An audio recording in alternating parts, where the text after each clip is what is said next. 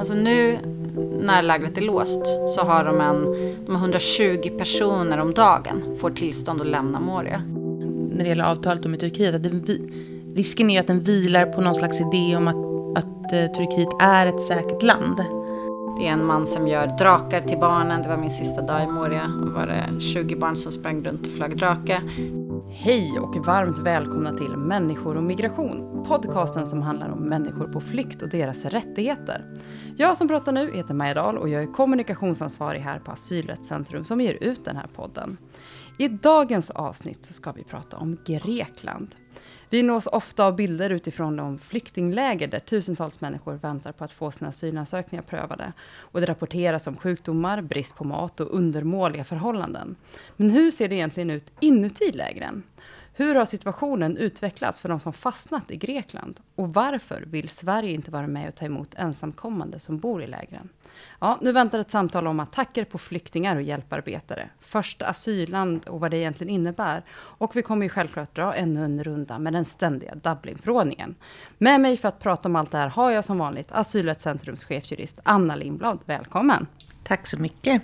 Och vi har en speciell gäst med oss här i studion. Anna Benediktsson, du är människorättsjurist som jobbar i Grekland för att stötta människor som sitter i flyktinglägren där. Välkommen. Tack. Nej, men det är ju så kul också att ni sitter här på, för vi är tillbaka på kontoret. Eh, men med det sagt måste jag också säga att vi inser att grannen bredvid börjat hålla trumpetlektioner, så ni som lyssnar kanske hör en, en svag trumpet i bakgrunden.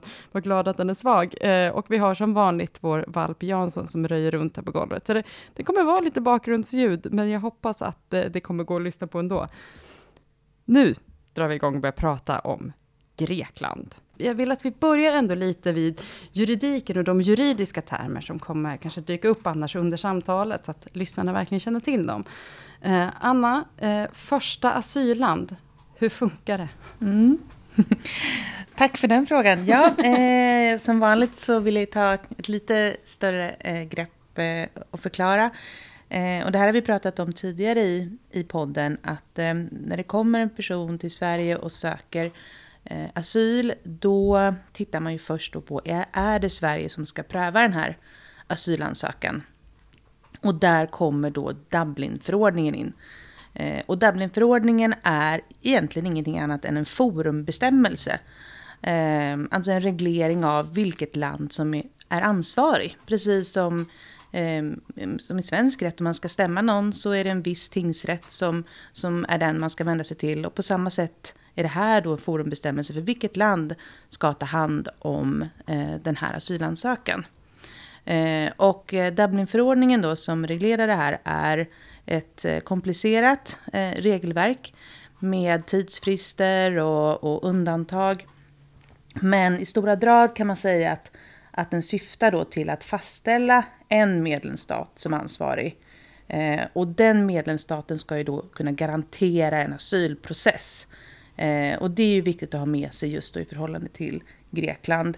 Och eh, den Dublinförordning som vi har nu, den heter eh, Dublin 3 och den syftar också i stor utsträckning till att hålla samman familjer. Och sen är det ju också det här med att man ska motverka det som kallas för asylshopping. Alltså man ska inte kunna välja själv vilket land man vill söka asyl i, utan det reglerar Dublinförordningen. Men så vill jag också tillägga att i den asylprövningen som sen görs så kan det också bli relevant med principen om första asylland. För där tittar man på, har den sökande fått eh, skydd i ett annat land utanför EU tidigare? Då kan det vara ett första asylland. Eller är personen säker i ett annat land? Och det är principen om säkert tredje land. Så det kommer alltså in i olika delar av processen. Ah, och första asylland är alltså det första land i EU man kommer till då, eller? Eller kan det också vara det första säkra landet, tredje landet? Första asylland, ah. det kan vara det första landet som man har fått asyl i. Mm. Nu tror jag att jag är med. Och, ja, och, och, och, den frågan får man ju ofta, men varför söker inte den här, varför kan man inte skicka den här personen till Libanon till exempel, mm. om man kommer från Syrien? Och, och, svaret är att det kan man göra om det är ett säkert tredje land. Men då krävs det nummer ett, att personen i fråga har en anknytning dit. Och nummer två, att eh, det finns ett godtagbart asylsystem. Och det här är ingenting som vi kan ändra på. För det här kommer både från internationell rätt och svensk rätt och praxis. Eh, så att för att skicka till exempel en syrier till ett annat land och söka asyl så måste de två kraven vara uppfyllda. Okej. Men när man pratar om då asylsökande, då liksom, framförallt liksom ur ett svenskt eller EU-perspektiv, så eh, just i och med att Dublinförordningen kommer in, man pratar ju om liksom vilket som är det första land man kommer in i. Och där är ju Grekland ett sånt land som så många kommer till. Hur stor andel av de som kommer och söker asyl i, i EU kommer till Grekland först? Eh, jag vet faktiskt inte hur, många, hur stor andel det är, mm. men jag har ju givetvis tagit fram siffror över hur många som kom till eh, Grekland de senaste åren. Och 2015 var det ju hela 1 32 408 sökande. Och tittar man på 2019 så var det 123 663. Eh, om vi jämför då de här siffrorna som du nämnde nu, Anna, och sätter dem i svensk kontext. Så 2015, som var då liksom rekordår till Sverige, då var det 163, 163 000 sökte asyl i Sverige och då var det över en miljon. Precis. I Grekland. Och vad sa du, 2019 så var det? Eh, 2019 så var det 123 000 eh, sökande i Grekland. Och hur många asylsökningar i Sverige? Då hade vi 22 000 asylsökande mm. i Sverige. Ja, men det är bra att få liksom siffrorna också liksom, i en kontext av svenskt perspektiv. Men det man pratar om då, liksom, också i och med hur många som kommer till Grekland, eh, är ju också omfördelning. Att det är ju så många som söker där, då ska det omfördelas till andra eh, EU-länder. Hur fungerar det? Eh, nej men en stor del blir ju eh, inom Dublinförordningen, familjeåterföreningar och mm. ensamkommande barn med någon slags familjekoppling till ett mm. annat EU-land. Um, där har man till exempel Tyskland tar emot väldigt många från Grekland som kommer igenom um, just för familjer som mm. då är bosatta i Tyskland. Mm. Så det är en del. Men är det många liksom, an, liksom fungerar andra sorters omfördelningar? Att man kanske liksom till och med kan flytta över eh, personer som inte har familjer i andra EU-länder att söka asyl, eller att asylansökan sköts i ett annat EU-land? Eh, ja, den, den omfördelning som man hör mycket om nu i av svensk media till exempel och de krav som har ställts på Sverige, eh, att den har ju främst rört att ta en del av flyktingarna från Grekland, främst barn, att de skulle få komma till Sverige istället och ha sin asylprocess här. Och vi har haft liknande eh, avtal tidigare när kommissionen har sagt till Sverige att ta asylsökande från andra länder och då har vi gjort det. Men eh, den här gången så bygger det på en frivillighet eh, och eh, det senaste jag såg så är det nu 11 länder, e, europeiska länder som ändå har, har gått med på det här och eh, accepterat då att 3300 eh, var den siffran jag eh, fick när jag tittade på det här, då utsatta asylsökande, eh, inklusive 1600 eh, ensamkommande barn, ska omfördelas. Men det bygger alltså på frivillighet. Och det är de som faller utanför eh, Dublin. Man har haft, eh, Tyskland har tagit emot eh, ett antal barn, jag kommer inte ihåg hur många det var, men eh, som har någon slags koppling till Tyskland, där man liksom mm. vidgat Eh, öppnat upp lite mer för att ta emot ännu fler som mm. faller under Dublin och familjeåterföreningar. Och sen är det här utöver Dublin så extra sårbara eller utsatta. Mm. Precis, för det kanske man ska säga att i då Dublinförordningen så finns det en, eh, en möjlighet som eh, heter den diskretionära prövningen. eh, som säger att ett medlem, en medlemsstat kan ta på sig eh, och pröva ett ärende Eh, fast man inte är utpekad som ansvarig stat. Och i, ehm, i svensk praxis så har man varit oerhört restriktiv med att tillämpa den här artikel 17 i, mm. i Dublinförordningen. Men den möjligheten finns alltid att ta på sig ett ansvar. Okay. Eh, men en annan, en annan del då av liksom så här omfördelnings, eh, eller en, ett annat omfördelningsverktyg som har funnits är ju då det så kallade Turkietavtalet. Eh, vad är Turkietavtalet och fungerar det? Anna B. um, I teorin så var det väl en ganska um, straightforward uh, idé eller ett avtal som, som skulle gå ut på att man i princip skickade tillbaka människor till Turkiet och därifrån skulle de omfördelas till Europa. Ehm, men för att kunna skicka tillbaka människor till Turkiet så måste man göra en preliminär prövning av um, utifall Turkiet är säkert för de människorna som man förde tillbaka eftersom att Turkiet är utanför EU. Uh, och det tar ju tid i sig.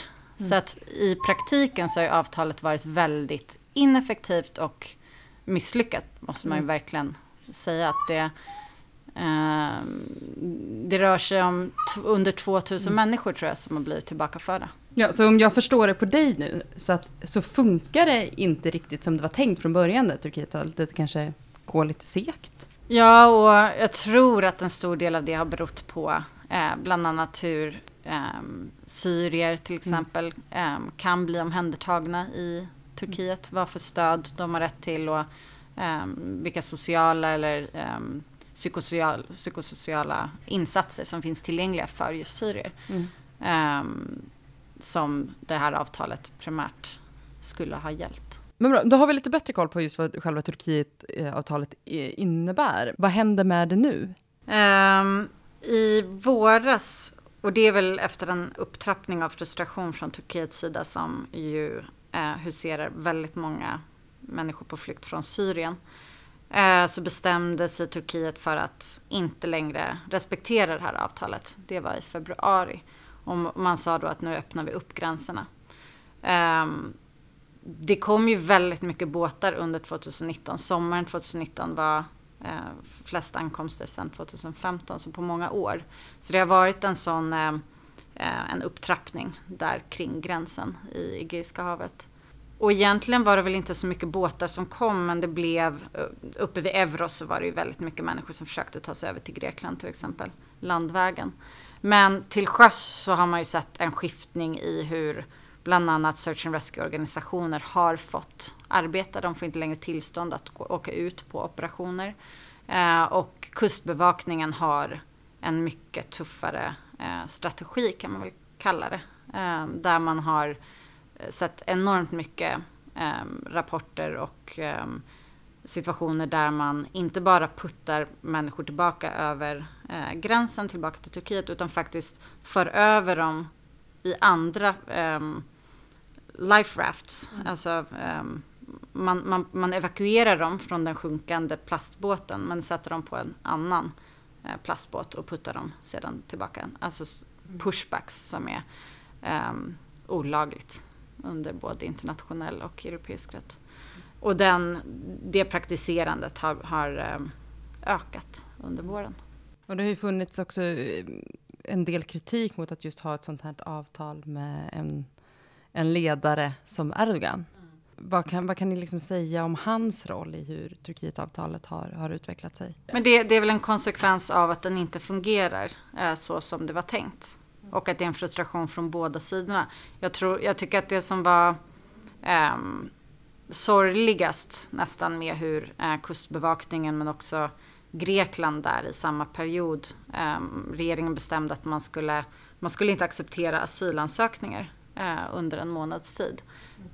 De tog sen tag i det. Alla som hade kommit under den perioden fick ansöka.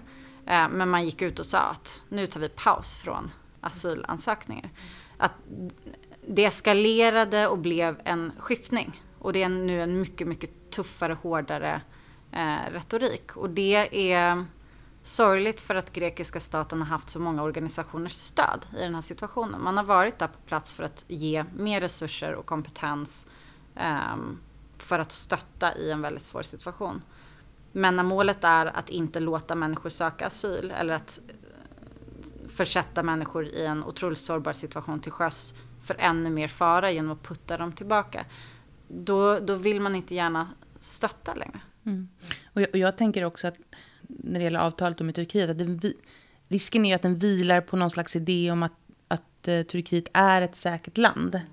Så, som, som kan vara farlig i, i, i, flera avseenden då, om man tittar på ett svenskt perspektiv, där vi har eh, en inte obetydlig del asylsökande från Turkiet eh, och som i dagsläget också ganska stor procent faktiskt beviljas asyl eh, och vad som har hänt efter statskuppen och ja, Gülenrörelsen och, och så vidare. Anna, mm. du har ju varit i Grekland och arbetat längre i flera omgångar mm. under många års tid. Hur kommer det sig att du liksom hamnade där från första början? Hur började du arbeta i lägren? Eh, från början så var det eh, lite av en politisk um, aktion, kan mm. jag kalla det.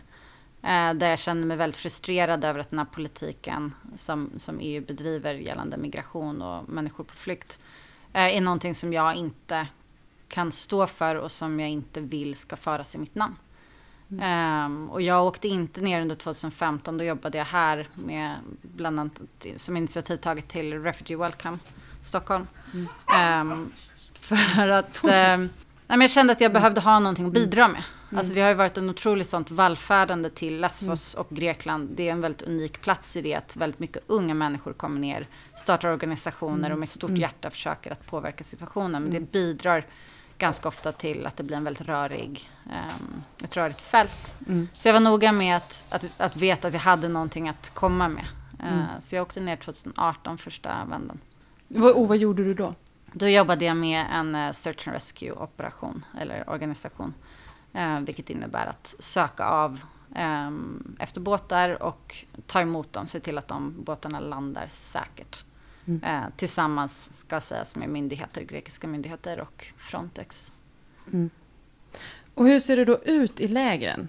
du har um, varit inuti. Ja, precis. Nu har jag jobbat ett, nästan ett år in i Moria och um, 2018 så var jag i Karatepe, det mindre lägret. Och um, har också jobbat upp i Stage 2 som är det ankomstlägret som där man mellanlandar innan UNHCR kommer upp och bussar ner till Moria. Mm.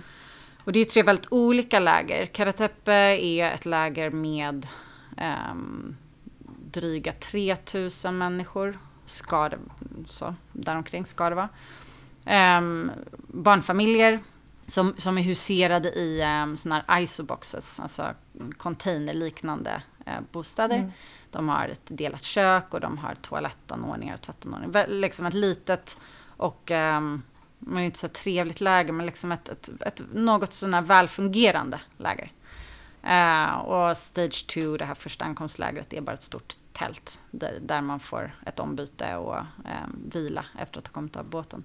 Moria är ju uh, det stora, stora lägret som egentligen är en militärbas byggt för 2500 människor och som under 2019-2020 har huserat 21 000 människor som är utspridda i eh, enorma tältbebyggelser på mark som alltså är i princip ockuperat. Då. Det är människor som äger den här marken. Eh, det har liksom bara vuxit ut över den här enorma olivlunden. Så det kallas Olive Grove utanför den här Moria mm. militärbas och sen det som har växt utanför. Det är 12 zoner där mm. det bor eh, 17-18 000 tills, till i våras. Och vilken möjlighet har då människorna som är i de här lägena att röra sig? Att, så här, hur ser deras, deras vardag ut? Eh, till i mars så eh, kunde de röra sig fritt in och ut. Det har ju gått, det har varit olika faser i det där också, där Moria har för några år sedan varit stängt och sen öppnats upp och nu har det varit öppet till i mars. Eh, vilket betyder att, att de eh, kan röra sig fritt över ön eller ta sig in till staden Mytilini som ligger eh, om du promenerar en timma men mm. annars en kvart med buss. Um, och inne i lägret, alltså det, det, har ju växt så mycket eh, de här åren. När jag var nere första vändan eh, 2018, tidigt 2018, då var det 7000 i Moria. Mm. Och då var vi så chockerade över att man hade mer än dubbelt så många som lägret var byggt för huserade där. Och nu var det 21 000. Så det är en helt um, det, det, är ju en liten stad.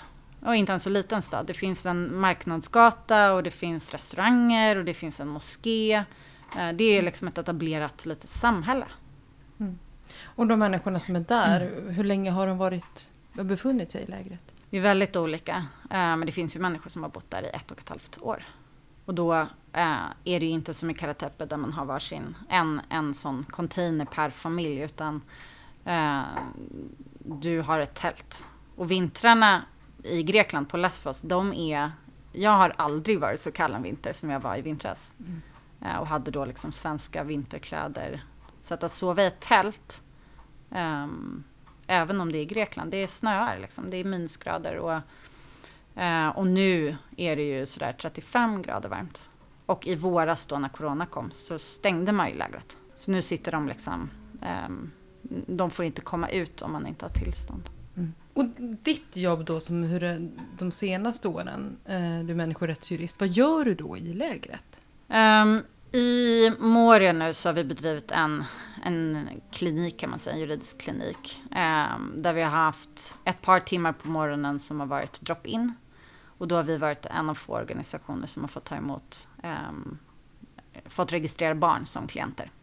Ehm, där är det särskilda regler. Man har ju försökt liksom att städa upp kan man säga med alla organisationer som har varit verksamma för att det är väldigt känsliga och viktiga frågor som man arbetar med. Um, så nya registreringsformer för att få verka och ha uh, tillstånd att vara inne i Moria.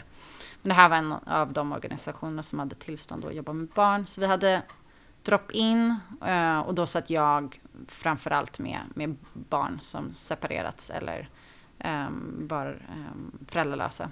Och så gjorde man en slags screening, liksom, vad, om det var ett, ett ärende som vi kunde ta på oss och hjälpa till med. Eller om vi skulle referera dem någon annanstans. Om det var ett väldigt ungt barn. Eh, jag träffade ensamma femåringar och tolvåringar och mm. nioåringar. Mm. Som inte hade någon aning om var de var. Utan mm. man fick ta fram en karta och säga att nu är du här i Grekland, du är i Europa. Och samma sak för tonåringarna som då ofta hade eh, familjeåterföreningar. Eller möjligheter till det. Då fick man ju liksom, man får förklara vad de befinner sig i för situation. För de kommer till de här enorma lägren och eh, vet inte vad asyl är. Vet inte vad de har för rättigheter. Och förstår inte att, att situationen är så överbelastad att de kommer inte huseras på väldigt, väldigt många månader. Och organisationerna är inte tillåtna att husera barn, eh, utan det är statens ansvar. Eh, man har inte heller samma goda manssystem i Grekland som man har här i Sverige utan det är åklagaren på Lesvos som är ansvarig över att ge um, tillstånd till vissa organisationer att utbilda goda män då som kan uh, hjälpa det barnet man blir god man för. Eh, så mycket så att, vi, att hjälpa människor att navigera över sin situation. Och för min del då eh, primärt barn eh, förstå vilken process de befinner sig i, vad vi kan hjälpa dem med, vilket är då att eh, se till att de registreras korrekt, att man hjälper dem att samla in eh, nödvändiga dokument och sen att ehm, följa dem genom processen egentligen.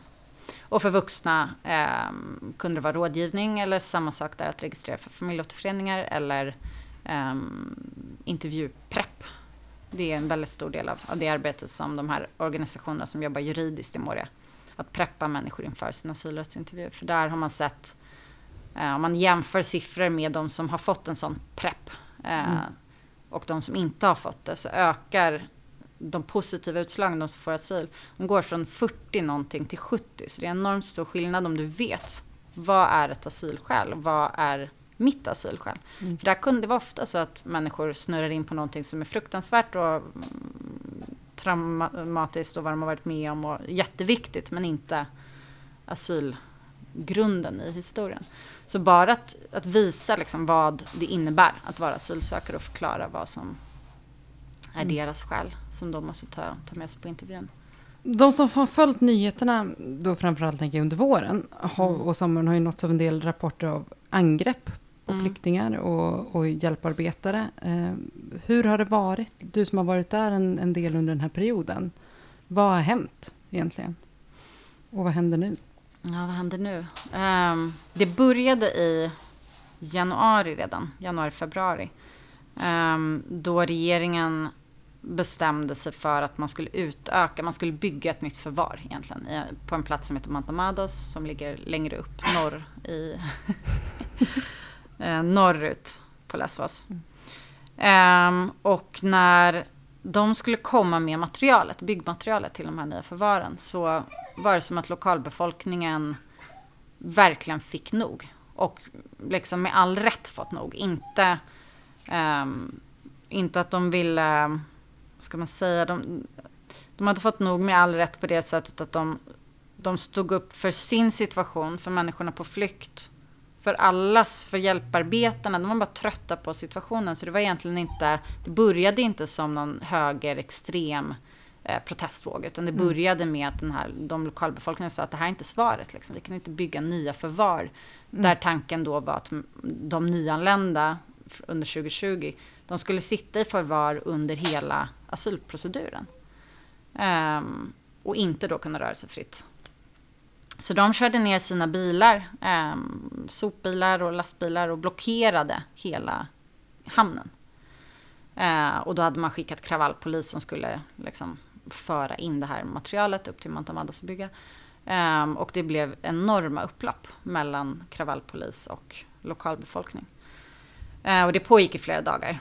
Och någonstans mitt i det här så övergick det till att bli ehm, grupperingar, högerextrema grupperingar, fascister som tog över protesterna när, mm. när lokalbefolkningen insåg att det här, det här vinner vi inte. Och också faktiskt kravallpolisen, samlade, fler poliser samlade ner sina sköldar och sa att vi gör inte det här mot vår egen befolkning. Det här är inte en lösning. Så det var en väldigt, väldigt mycket spänningar mellan alla olika parter. Eh, och det var väl egentligen bara en vecka som det där eskalerandet liksom tog vid. Och då, då växte det i alla fall fram att det blev mer och mer eh, högerextrema grupperingar på ön. Som satte upp eh, väg, vägblockader. Och stoppade borgmästarna liksom, som att de ringade in sina egna kommuner på ön.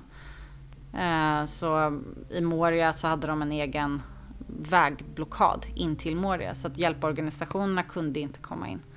MSF, eh, Läkare Utan Gränser attackerades, UNHCR attackerades.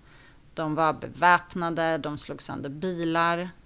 Det togs fram listor på vilka, eh, vilka lägenheter och hus som hyrdes ut till hjälparbetare. Så mitt trapphus, eller min port var helt sönderslagen så jag fick flytta därifrån. Eh, när medier kom ner så blev de attackerade. Det var flera svenska medier som lämnade ön för att säkerhetsrisken var för stor. De sa det att det, det här hände liksom bara i krigszoner, att vi lämnar. Mm. Att det här är Lesvos 2020 är helt... Så det var otroligt eh, spänt och eh, mycket våld. Um, och de brände ner det där Stage 2, lägret till grunden. Så att människor som har kommit nu under våren har inte haft ett ställe att, en plats att vara på, utan bott veckor på stränderna utomhus. Och då inte heller fått tillbaka tillstånd att sätta upp, UNHCR har inte fått sätta upp tält. Um, så att det har blivit en slags, en, en maktbalans verkligen. Som, um, ja, som gick ur kontroll, kan man säga. Men det är en liten grupp och det måste man ändå vara, det är viktigt att säga att det är en liten grupp. Och um, lokalbefolkningen generellt är inte med i den grupperingen utan har haft ett otroligt stort tålamod med situationen på ön precis som du säger, det låter ju verkligen som att du beskriver en krigszon. Eh, men jag har en, en fråga som jag tror eh, lyssnarna kan vara intresserade av som, eh, som vi får också ibland och det är ju det att det här är ju en vänteperiod och de är asylsökande men sen får de väl asyl. Vi har ju haft situationer med, eh, det går ju inte att jämföra, men vi har ju haft situationer under 2015 till exempel då det inte, då det inte var bra förhållande för alla barn som kom hit till exempel. Eh, så vad blir liksom steget efter de här eh, lägren? Um, nu under våren så har det gått från 21 000 i Moria till 14. Och en del av det är bland annat att man pausade intervjuer under corona och kunde eh, utfärda mer beslut. Så människor som har fått positiva beslut har då blivit av med de här äh, geografiska restriktionerna och kunnat ta sig till fastlandet. Men samtidigt som det händer så har man gjort en ändring i, eh, i Grekland som innebär att asylsökare har inte längre samma eh, skyddsnät. De blir av med, med boende, de blir av med cash assistance från UNHCR. Så att även eh, den trenden som är nu bara senaste veckan att det faktiskt finns människor som har fått asyl utan att ens ha haft en intervju. Eh, för att de tillhör en viss religion eller etnicitet eller kommer från ett speciellt område. Nu väljer många till och med att bo kvar i lägren för att de har i alla fall ett tält. Mm. Eh, och annars så kommer de vara hemlösa på, på gatorna på fastlandet. Så jättemånga i Aten till exempel som har blivit vräkta från olika boenden eh, och som nu befinner sig på gatorna och ska då eh, klara sig själva. Alltså hitta jobb och hitta bostad. Och det är svårt var som helst just nu. Det är jättesvårt i Grekland med eller utan corona. Eh, att etablera sig och integrera sig. Vad händer då med de människorna som kom till Grekland nu? Du är en, vi är ändå inne lite grann på det. De som, de som, om man kommer idag, hur ser det ut för den personen? Och finns det något hopp om att, att få asyl? Det är ju väldigt, en väldigt lång process för de flesta som man ska gå igenom. Nu eh, under corona så har man olika karantänläger. Eh, men de är inte helt, eh, vad ska man säga, de är inte tillräckligt stora eh, och de är inte uppbyggda på det sättet att du kan ha som, kommer en, en till båt till exempel så får hela den karantänlägret börja om sin karantän. Så det finns människor som har suttit i karantän, alltså inlåsta i förvar i många, många veckor.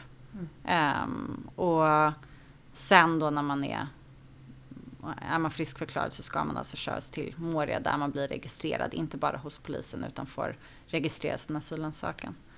Um, och därefter så, så har du ju väntan på att få träffa läkare för att få din sårbarhetsbedömning. Uh, för man har ju två olika procedurer i Grekland som är fastlandsproceduren eller Eh, proceduren beroende på om du är sårbar eller inte. Eh, och det här är enormt ehm, komplicerat. Enormt komplicerat att navigera sig för att det Um, det, det, är nästan så på veckobasis att olika policies kommer och ändras och gör att hela utgångsläget ser olika ut från en vecka till en annan. Så att bara att planera en verksamhet som vi bedrev med vilka man skulle förbereda inför en intervju um, är jättesvårt. Och jag tänker också, precis som du sa, Anna B, eh, om, om skillnaden inte blir heller så stor mellan att vara asylsökande eller faktiskt kanske ha, ha en skyddsstatus. Ehm, då spelar det inte så stor roll egentligen vad som, vad som händer med de som kommer. Ehm, och det är inte så som asylrätten är tänkt att Nej. fungera. Vi pratade om det lite grann inledningsvis. eh, men under våren så har det ju varit en, en ganska levande diskussion om vidarebesättning av just ensamkommande. De du har jobbat med då i lägren i, Grekland. Eh, och hittills så är det ju då som sagt 11 EU-länder som har gått med på att ta emot de här ensamkommande som då vidarebosätts från lägren till länderna för att kunna få asyl där. Men Sverige är, har sagt nej. Vad beror det på att Sverige inte, inte är med i den här överenskommelsen? Anna L. Ja, ja, eh, det man har sagt från justitiedepartementet och justitieminister Morgan Johansson har sagt att, eh, eh att det skulle strida mot eh, svenska grundlagen om då mm, han som minister eller då man från regeringen sa till Migrationsverket hur man ska bedöma i de här ärenden. Och, och det har han ju rätt i. Alltså, vi har ju inte ministerstyre i Sverige, eller det är ju förbjudet i grundlagen. Eh, Migrationsverket är alltid den som, som fattar besluten utifrån vad som eh, gäller i lag. Eh, så ja, det stämmer. Regeringen kan inte säga till Migrationsverket att ni ska använda den här artikel 17 som vi nämnde tidigare och ta på er ansvaret för barn från Grekland. Så det stämmer. Men vi är väl ganska många som tänker att men ni kan ju hitta lösningar om ni vill. Mm. För precis som Anna B sa tidigare så har ju i Tysklands fall man tillämpat Dublinförordningen men det här är någonting annat. Eh, och sen hur man skulle lösa det rent juridiskt, jag betvivlar inte att det kan vara komplicerat.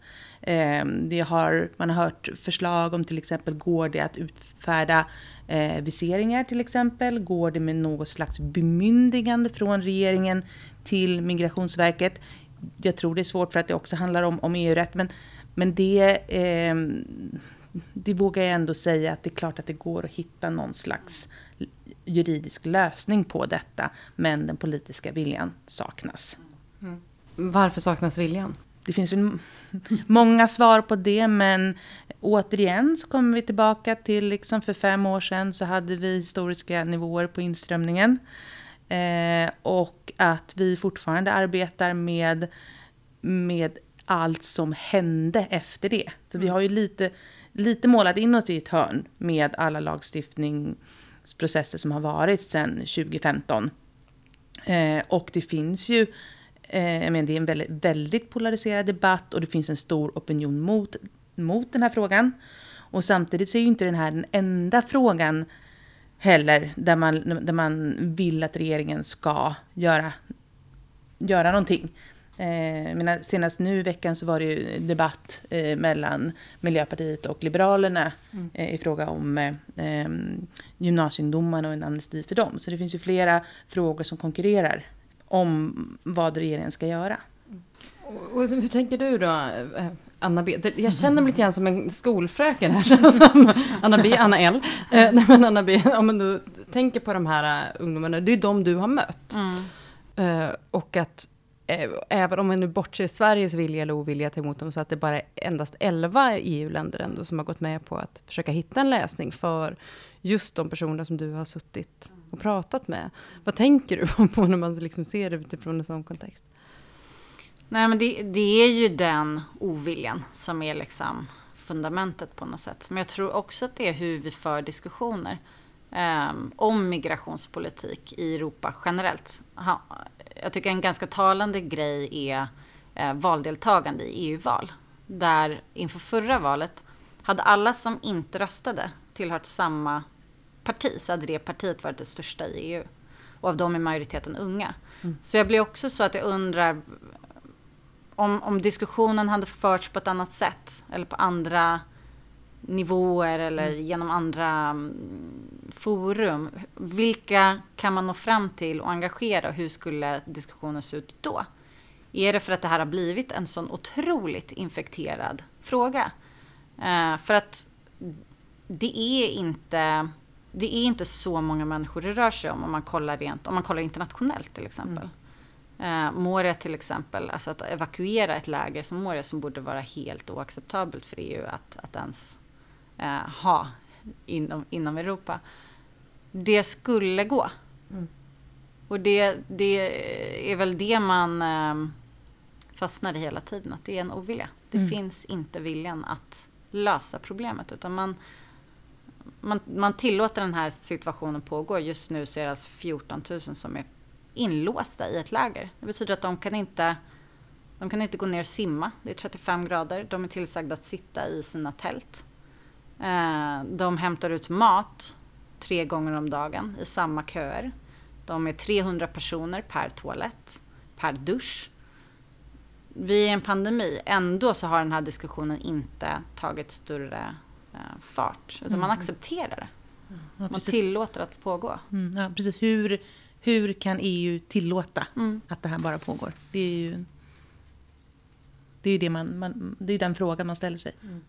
Man förstår ju på, på ganska många sätt varför inte media släpps in i lägren också. Mm. För att kunna visa upp det du nu mm. berättar. För att jag tror att om vi hade fått se de bilderna. Mm. Så tror jag att det hade kunnat påverka ganska många. Mm. Att fundera på, är det här värdigt? Precis. Och att sprida kunskap om exakt hur komplicerat det är att vara asylsökare i Grekland. Mm. Alltså nu när lägret är låst så har de en, de har 120 personer om dagen får tillstånd att lämna Moria av 14 000. Och då ska man stå i kö för att få den här, det här tillståndet och få en av de platserna. Samtidigt så skjuter man väldigt mycket på intervjudatum. Eh, I vintras så, så, intervjuade man plötsligt bara de som hade kommit 2020 och de som kom under 2019 fick sina intervjuer uppskjutna till 2021. Och sen vände det där så började man intervjua den backloggen som man hade igen och så gjorde man det parallellt. Eh, nu igen så har man börjat skjuta fram vissa intervjuer. Mm. Eh, frågat, vill du ha din intervju tidigare än våren 2021? Och då säger folk ja. Mm. Och då är intervjun i övermorgon. Och då ska du ställa dig i en kö med tusentals människor för att få en av 120 platser för att kunna komma och få bli förberedd av en advokat inne i stan. Så det, det är sådana um, superkomplicerade processer för att ens kunna få hjälp och stöd av de som faktiskt finns på plats. Uh, ska du överklaga ett negativt beslut är det samma sak. Att då, då ska du ha en grekisk advokat som skriver på din överklagan. Det har funnits en eh, tillgänglig. Mm. Då på 21 000. Mm. Och det kan jag säga, det känner vi igen här på Asylrättscentrum. Vi är ju till exempel eh, medlemmar i, den, eh, i en organisation som heter ECRE. Eh, mm. Som är en paraplyorganisation för europeiska eh, organisationer. Och vi har ju kontakt med eh, grekiska advokater och vi kommer i kontakt med grekiska ärenden. Det är oerhört komplicerat och svårt. Eh, och då blir det ju också svårt för oss att hjälpa dem som hör av sig till oss från Grekland.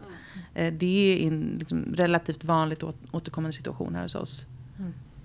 Jag tror att två grejer som, som har varit eh, märkligast med den nya lagen som kom i vintras i Grekland är dels att den, för den, den nya lagen skulle på något sätt eh, sätta samman olika direktiv och grekiska migrationslagar i en som skulle bli mer överskådlig. Eh, och där hade vi eh, flera grekiska advokater som satt och försökte förstå den här lagen. Och den är så snabbt skriven att den i samma lag refererar till delar som inte finns.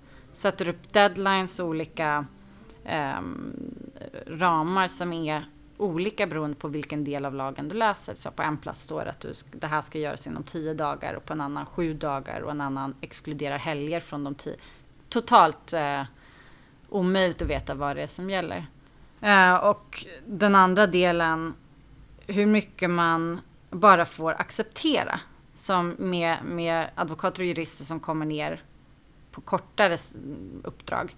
Ehm, kan bli helt bestörtade över hur situationen är och sitter och säger att men det här är olagligt, så här kan vi inte, det här kan vi inte acceptera. Men det finns inga resurser att gå efter saker som eh, beslut som inte kommer med en motivering till exempel. Eller beslut, ett, ett negativt, ett avslag eh, som kommer på en torsdag eller en fredag från ett europeiskt medlemsland och du har till på måndag eller tisdag på dig att överklaga.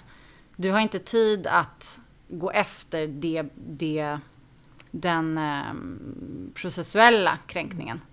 Utan du måste bara följa vad det är de efterfrågar för annars har du åsidosatt din klient eller det här barnet som, som behöver få iväg sin familjeåterföreningsansökan.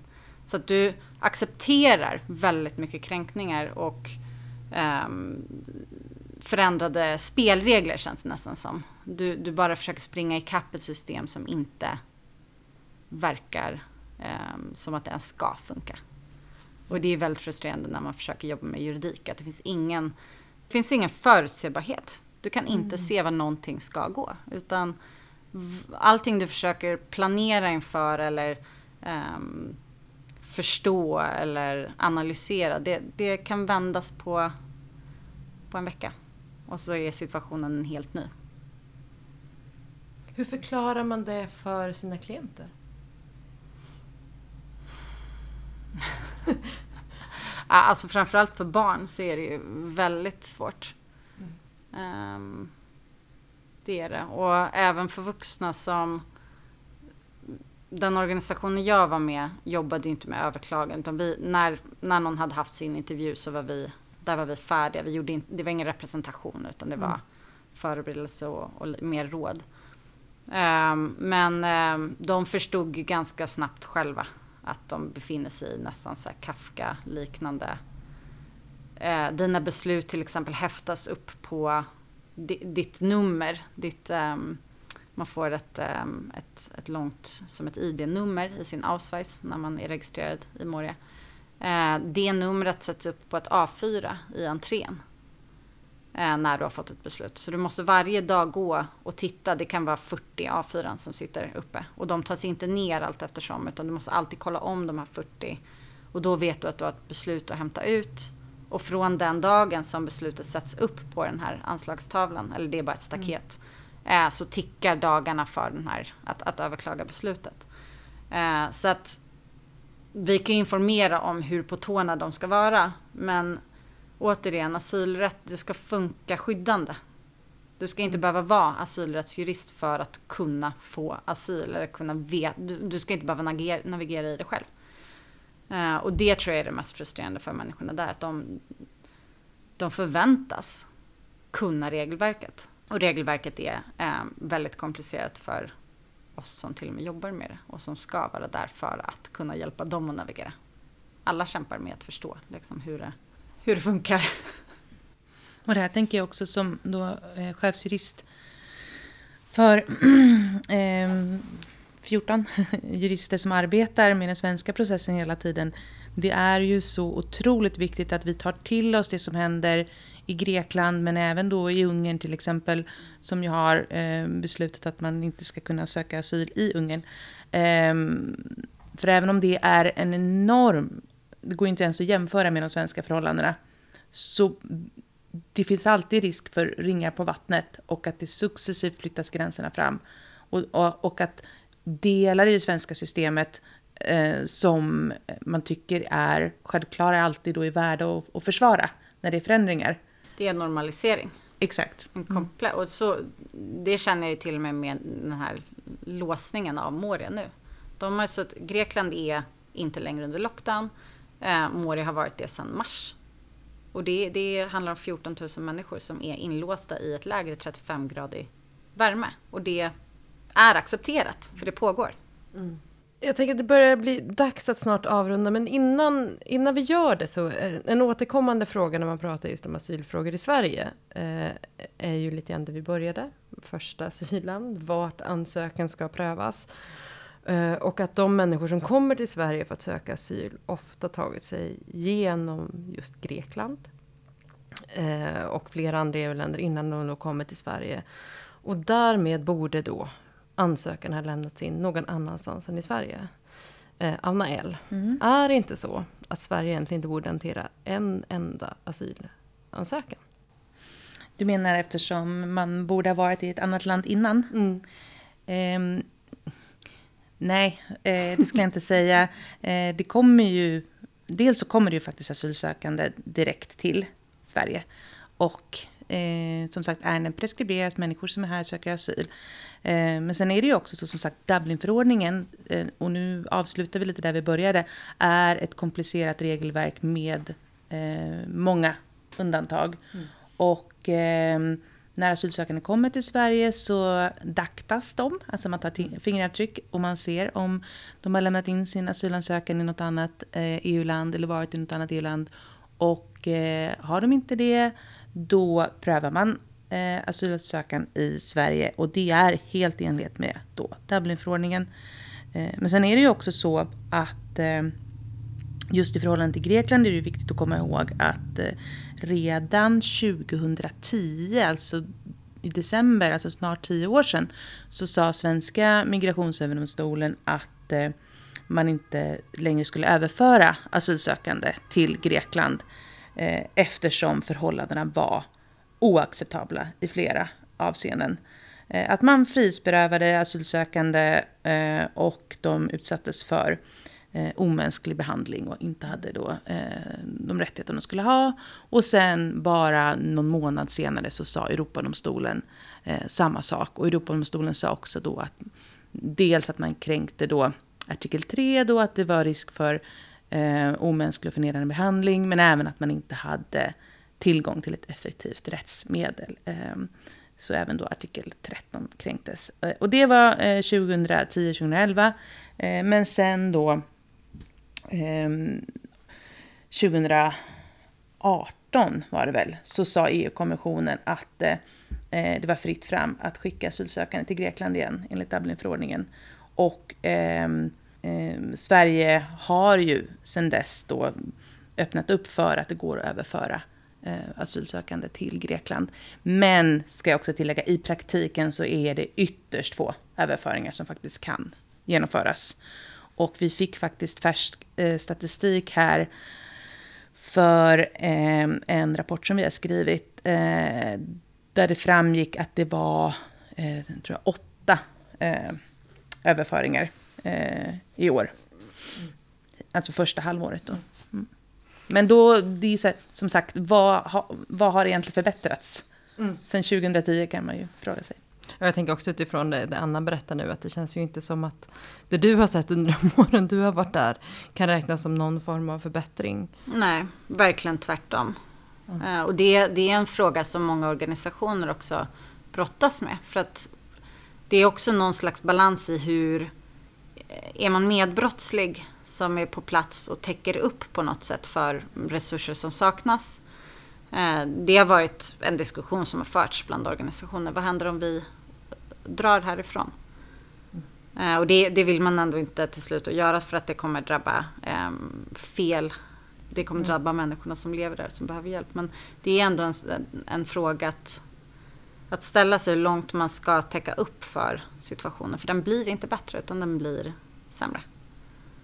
Um, nu den nya lagen som, som um, förändrar förvarstider och um, gör det mycket svårare att att uppnå den här sårbarhetsstatusen till exempel. Man har tagit bort PTSD. Det är väldigt mycket inskränkningar. Um, så att jämfört med 2018 så är det ju mycket tuffare i lägren just nu. Med det sagt, och på den eh, extremt deppiga punkten, eh, känner att vi mer och mer stämmer in, eller fortsätter liksom bygga på det här varumärket Sveriges deppigaste podd. eh, men det är i alla fall dags att avsluta samtalet, och vi gör det på, på samma sätt som vi alltid avslutar numera. Eh, vi, vi, har ju inga riktiga kaffeautomater, men vi har ju digitala kaffeautomater. Och vad är det vi just nu pratar om vid de här digitala kaffeautomaterna?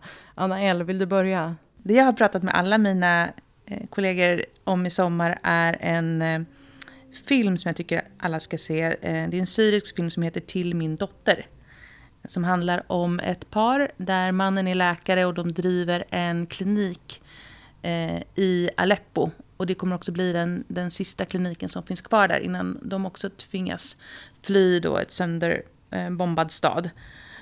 Och i anslutning därtill så är ännu mer oroad nu än vad jag var när vi spelade in eh, podd om, eh, om Syrien eh, tidigare i vår. För att eh, eh, vi kontaktas av många som nu får avslagsbeslut. Eh, då, som är förstagångssökande som ska återvända. Ja, vad spännande. Då, då får man helt enkelt ta och titta på den. Till min dotter, sa du? Ja. Anna B. Vid din virtuella då, eller digitala kaffeautomat, vad diskuterar du med, med dina kollegor eller med, med personer i din närhet? Um, dels väldigt mycket hur det är att, att komma hem efter att ha jobbat så här länge i Moria. Um, och där eh, ser det mycket om, om hur, hur mycket energi man faktiskt får från att vara i lägret och med de här människorna som klarar sig och bygger värdiga liv för sig själva. Det är en kvinna i Moria som plockar blommor varje morgon och klär hela sitt tält. Det är en man som gör drakar till barnen. Det var min sista dag i Moria. Då var det 20 barn som sprang runt och flög drake. Det finns så mycket hopp. Och de här barnen, jag fantiserar och drömmer om att de ska bli våra politiker. Eh, för det är så många barn som lever år efter år i de här omständigheterna. Och får de en plats om 10, 15, 20 år att påverka politik så kommer vi ha en väldigt mycket vackrare um, union. Oj, man vill knappt säga något mer efter det och låta det vara slutord. Men eh, om det är någonting som, som jag har diskuterat ganska mycket den senaste tiden och det som vi alltid diskuterar här egentligen är ju gymnasielagen. Men det är en specifik del i det är att det vi ofta kommer tillbaka till nu, det är att många av dem som, som har fått stanna genom den då så kallade gymnasielagen, eh, tar ju nu, några av dem har börjat ta studenten och de har nu sex månader på sig att skaffa jobb och att det är en väldigt tuff arbetsmarknad i, i, överhuvudtaget för personer som bara gått gymnasiet. Men om du då lägger på att eh, det dessutom är corona, så blir det ännu svårare. Och så förs det ju de här diskussionerna mycket om hur, hur man ska hantera de här personerna igen. Men i de diskussionerna så har det också, upplever jag från många håll, byggts upp en bild av att de är hur många som helst och att de kan hu bli hur många som helst. Och att jag börjar mer och mer inse att när, när man pratar med personer utanför den här kanske lite nördiga juridiska kretsen, att gymnasielagen-ungdomarna, att det är en begränsad grupp. Det var de som kom innan 2015, eh, 24 november 2015 till och med.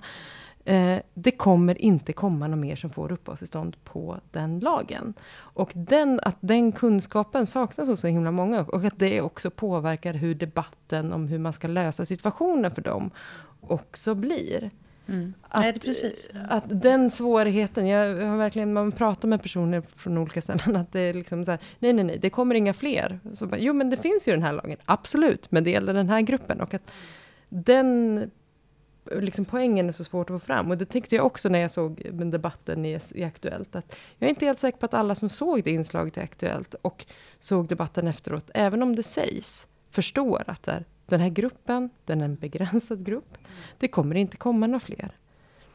Nej, Eh. inga, inga fler som får på bara för att de läser på gymnasiet. Nej, Nej. enligt den här lagen. Och det, ja, det är någonting som jag, som jag liksom fortsätter diskutera. Så, men hur ska man komma till nyckeln att få även organisationer som vill driva frågor för att stötta de här unga, att förstå att det är den här gruppen, det kommer inga fler. Precis. Och det var ju därför som Migrationsverket kunde eh, liksom omfördela sina resurser så att de i princip avgjorde alla ärenden Mm. på en höst. Mm. För att man, man, visste precis hur många ärenden det var. Ja, nej, jag, tycker, jag tycker det är jätteknepigt. Eh, och det tänker jag att vi säkert kommer få komma tillbaks till, till den här podden och prata mer Ja. om gymnasielagen. Och mycket andra tror jag enkla, eller frågor som vi kan tycka är enkla men som inte är det. Ja. Utan de är det bara för oss. För att vi håller på med det hela, hela dagarna. Man blir läskigt nördig av att sitta här. Eh, med det sagt, tusen tack Anna B.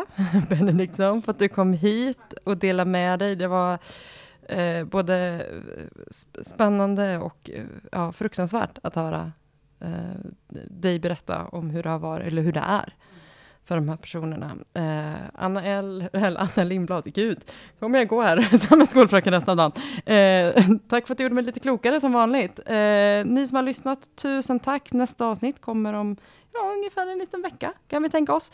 Eh, och eh, det är som sagt Asylrättscentrum som ger ut den här podden. Vi har börjat få Swish för att vi ska kunna fortsätta ge ut den. Det är vi väldigt glada för och vi hoppas att du som lyssnar vill fortsätta kunna ta del av sådana här analyser. Och vi är en ideell organisation.